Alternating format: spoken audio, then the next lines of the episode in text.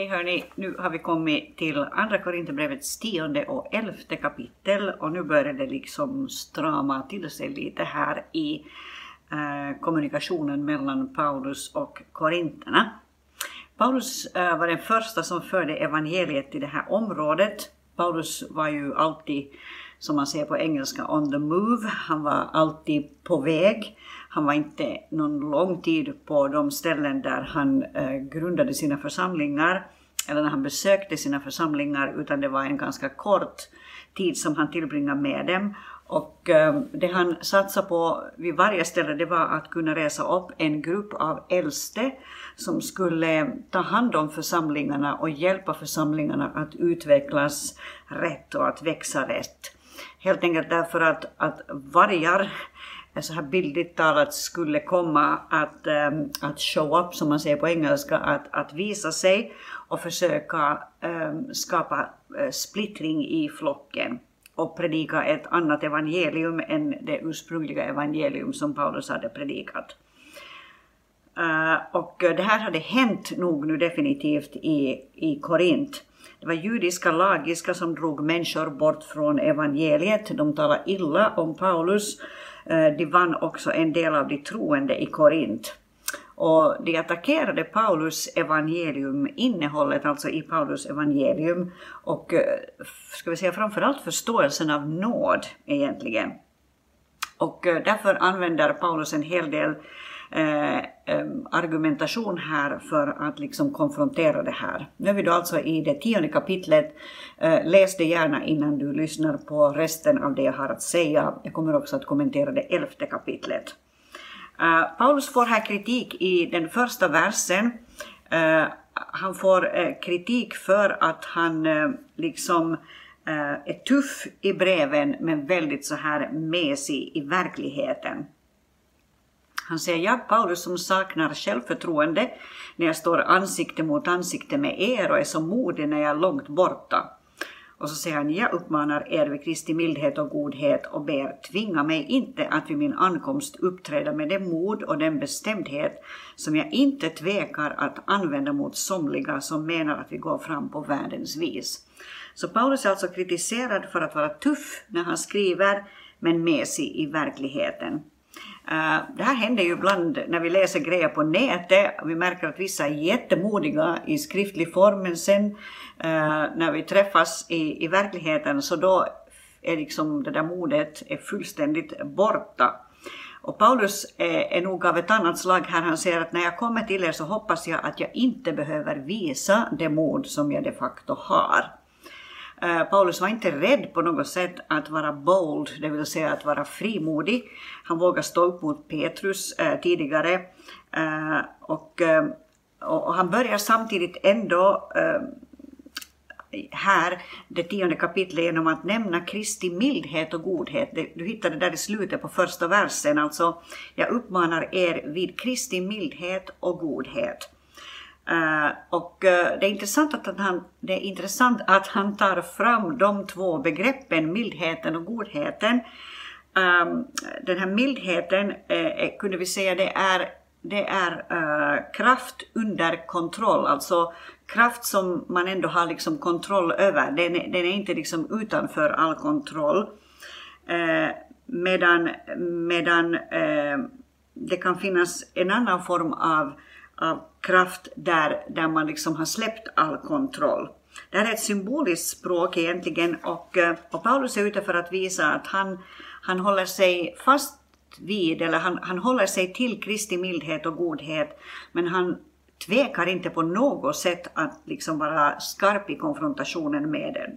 Den här konfrontationen behövs Eh, och, eh, och det, den kommer att han, han, att vara väldigt tydlig med. Han säger att även om vi, om vi lever här i världen strider vi inte på världens sätt. Eh, på engelska kunde vi urskilja, eller kunde vi särskilja på de här två orden in och according, alltså vi, vi, vi lever i världen men, men strider inte according to, vi strävar, strävar inte så, så som man, man, man strider i världen. Och våra vapen är inte mänskliga, säger han i vers 4. Eh, och ändå så är de starka eh, eller har makt inför Gud att bryta ner fästen.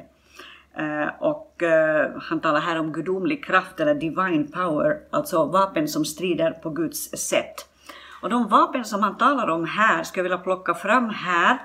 Eh, jag tror att vi kan hitta fem stycken vapen som Paulus är ute efter att, att eh, presentera när han, när han beskriver hur han strider. För det första så är det vapnet att tala sanning. Uh, och uh, det är viktigt att vi som troende vågar stiga in i situationer uh, i en tid då människor är ganska så här messed up eller screwed up som man säger på engelska, alltså som en tid där människor är ganska förvirrade och har ganska märkliga synsätt på saker och ting. Det är viktigt att vi vågar stiga in i situationer med sanning. Eh, precis som Jesus själv säger att ni ska förstå sanningen och sanningen ska göra er fria. Och det Paulus kommer med här i den här konfrontationen, det är sanningen och att, att tala sanning. Han säger att vi gör varje tanke till en lydig fånge hos Kristus och är beredda att straffa all olydnad så snart ni har blivit fullkomligt lydiga. Eh, och eh, det andra som, som Paulus använder här som ett vapen, det är, eh, eh, och som han hänvisar till, det är att kunna strida i bön. En orsak till att vi inte ber är att vi inte tror att det lönar sig. Jag tror att det är faktum med ganska många människor. Man, man är inte säker på att lönar det sig. Och jag tror att det är viktigt att vi återkommer gång på gång till det här att vi, att vi liksom återfår en tro på bönens kraft. Nu talar jag till mig själv lika mycket som till någon annan. Eh, bönen är eh, verkligen en, ett vapen som, som, är, som är, är, är fungerande och, och som håller i den andliga striden. Det tredje vapnet som Paulus håller sig till det är att använda sig av Andens värld, det vill säga Bibeln, sanningen. När Jesus gick mot Satan så använde han sig av Bibeln. Han sa det står skrivet. Eh, och, eh, och, och så argumenterar han mot fienden med hjälp av ordet. Och vi behöver kunna ordet, känna till ordet för att kunna gå emot fienden i olika situationer. Eh, för att, att helt enkelt kunna vinna den striden. Det fjärde som vi kan använda som vapen i den andliga kampen, det är tron och förtröstan på Gud oavsett omständigheterna. Eh, och att vi helt enkelt säger till Gud att jag vill lära mig genom livet att lita på dig. Jag vill verkligen lära mig att lita på dig. Jag vill inte bli en person eller utvecklas till en person som bara på något sätt tar saker och ting i egna händer och vågar inte lita fullständigt på Gud. Utan tvärtom så jag vill lära mig att lita på dig. Och, eh, och sen för det femte så tror jag att ett sådant här vapen som, som Paulus hänvisar till är andens frukt helt enkelt. Eh, andens frukt som klädsel i den andliga striden. Att, att vi håller oss till eh, andens frukt, till allt det som beskrivs i Galaterbrevet eh, 5 eh, kring vad det är som präglar eh, den helige Ande i en strid. Eh, och ehm, Paulus säger här i Andra Korinthierbrevet 10, nu går jag tillbaka till själva texten här, eh, han säger så här att ehm, eh, vi för vår del, nu är vers 13, vi för vår del går inte till överdrift när vi berömmer oss, utan vi håller oss inom gränsen för det område som Gud har mätt ut åt oss, att vi skulle nå fram även till er. Vi går inte för långt i vårt beröm, vilket vi hade gjort om vi aldrig nått fram till er. Eh, vi har ju kommit ända fram till er med Kristi evangelium. Vi vill inte berömma oss omåttligt av andras arbete. Men när er tro växer till hoppas vi att vårt arbetsfält hos er ska utvidgas kraftigt. Då kan vi predika evangelium i trakter bortom ert område och behöver inte berömma oss av det som är uträttat av någon annans område. Den som berömmer sig ska berömma sig av Herren. Det är inte den som rekommenderar sig själv som består provet, utan den som Herren rekommenderar. Så Paulus använder ganska mycket krut till att bara liksom eh, presentera egentligen eller hänvisa till den han är i Kristus. Inte till den han är i sig själv utan till den han är i Kristus. Och Paulus försöker samtidigt liksom dra sina lyssnare eller sina läsare av den här texten, dra dem till Kristus. All right. Uh, och uh, då uh, ska jag gå in i det elfte kapitlet här, som egentligen handlar om att Paulus kritiserar eh, sina läsare, alltså korinterna, för att ha hittat en annan Jesus, eller hittat på en annan Jesus och ett annat evangelium än det som var det ursprungliga. Eh, och eh, han, han säger så här att han brinner för dem med Guds iver. På engelska står det devote and sincere faithfulness. Eh, och eh, han brinner för de här med en iver som är given av Gud. Och han säger så här att, eh, nu läser jag från den första versen, om ni ändå kunde stå ut med lite dårskap från min sida, ja visst står ni ut med mig eftersom jag brinner av iver för er med den eld som kommer från Gud. Jag har trolovat er med en enda man för att föra fram en ren jungfru inför Kristus. Men jag är rädd för att liksom ormen med, sitt, med sin list bedrog Eva, så ska också era sinnen fördärvas och vändas bort från den uppriktiga och rena troheten mot Kristus. Ty om någon kommer till er och predikar en annan Jesus än den vi har predikat, eller om ni tar emot en främmande ande eller ett främmande evangelium som ni tidigare inte tagit emot, då fördrar ni det bara allt för väl. Jag menar inte att jag på något sätt är underlägsen dessa väldiga apostlar. Även om jag inte är någon, för, även om jag inte är någon vältalare saknar jag inte kunskap. Uh, så um, Paulus alltså hänvisar till det att här tränger um, en, en undervisning om en annan Jesus in, ett annat evangelium och det är en annan ande som det handlar om. Och uh, Eh, när Jesus i evangelierna eh, talade om församlingen, nu hänvisar jag till Matteus 16, eh, så sa han att den skulle vara byggd på klippan och att helvetets portar inte skulle vara den, liksom inte kunna övervinna församlingen. Och det vet djävulen, det vet Satan och därför ser vi hur fienden försöker skapa förvirring redan från början. Liksom att komma med ett evangelium som inte är det sanna evangeliet, som inte är det, det riktiga evangeliet. Här, här sker samma sak och här försöker Paulus alltså dra sina läsare tillbaka till Jesus. Och, uh, uh, och han säger så här i vers 2 att han har trolovat dem med Kristus. Eh, eh, och eh, det handlar alltså om detta att när en judisk man och en judisk kvinna är trolovade eller blir trolovade med varandra så kallas de enligt deras tradition och sätt att agera, de kallas man och hustru trots att de enbart är förlovade. De har ännu inte gift sig alltså de är förlovade, bröllopet har inte skett, men, men de är liksom givna till varandra. På samma sätt är det med Kristi kropp. Lammets bröllopsmåltid är någonting som är framför oss. Kristi brud är ännu inte gift, så här billigt talat, utan är trolovad med Kristus. Eh, I, I, den judiska traditionen så är sen den här själva, det här själva giftermålet en enkel ceremoni eh, och, och, och följs sen av en veckolång fest på sju dagar. Eh, och, och, och, och, så har man blivit eh, man och hustru eh, till fullo efter, efter det. Och eh, här så, så säger Paulus då att han har trolovat församlingen med en enda man för att föra fram en ren jungfru inför Jesus Kristus. Och Eh, och det finns liksom här på något sätt by, byggt in i den här tankegången hos Paulus att de håller på att släppa den här tro, troheten till Kristus Jesus.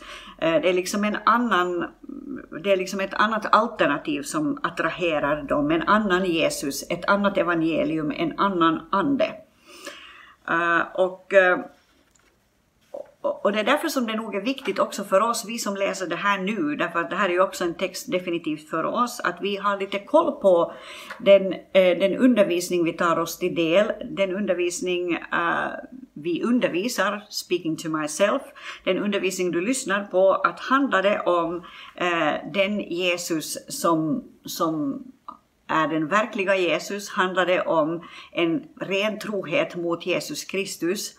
Eh, handlar det om att vi predikar den sanna Jesus eller handlar det om en främmande ande? Uh, och uh, um, sen i vers, um, nu ska vi se, nu har jag tappat bort mig här i verserna.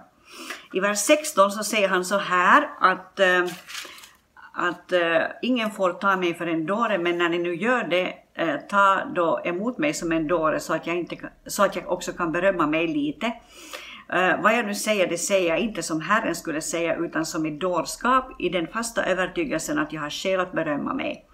Eftersom många berömmer sig själva vill också jag göra det. Ni står gärna ut med dårar, ni som är så kloka. Ni finner er i att man gör er till slavar, att man utnyttjar och utsuger er, att man uppträder utmanande och slår er i ansiktet. Till min skam måste jag säga att vi har varit alltför svaga till det. Eh, och eh, och så säger han, men vad andra vågar skryta med, jag talar som en dåre, det vågar jag också. Är det hebreer? Det är jag också. Är det israeliter? Det är jag också. Är det Abrahams barn? Det är jag också. Är det Kristi tjänare? Det är jag ännu mer.